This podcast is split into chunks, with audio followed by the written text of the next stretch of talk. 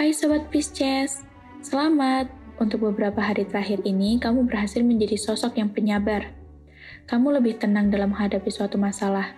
Itu sudah mengesankan sikap bijak di hadapan beberapa orang loh. Untuk keuanganmu sendiri, kamu sangat boros akhir-akhir ini. Kamu harus mengatur kembali keuanganmu. Jangan mengeluarkan uang terlalu banyak hanya untuk satu hal dalam beberapa hari berturut-turut. Jika kamu tidak segera berhemat, siap-siap kamu akan melongo dengan isi dompetmu. Percintaan untuk Pisces Lovebird. Aku ingat ada tulisan dari Wira Negara yang bunyinya, Jarak ini menebalkan rindu atau justru melenyapkanku. Nah, kata-kata itu cukup untuk mendeskripsikan hubungan kalian yang sedang LDR. Coba deh dirasain lagi. Kalian nih makin rindu atau justru makin jauh sih? Untuk sobat Pisces yang masih single, kamu sangat enjoy dan tidak ada masalah dengan status singlemu saat ini.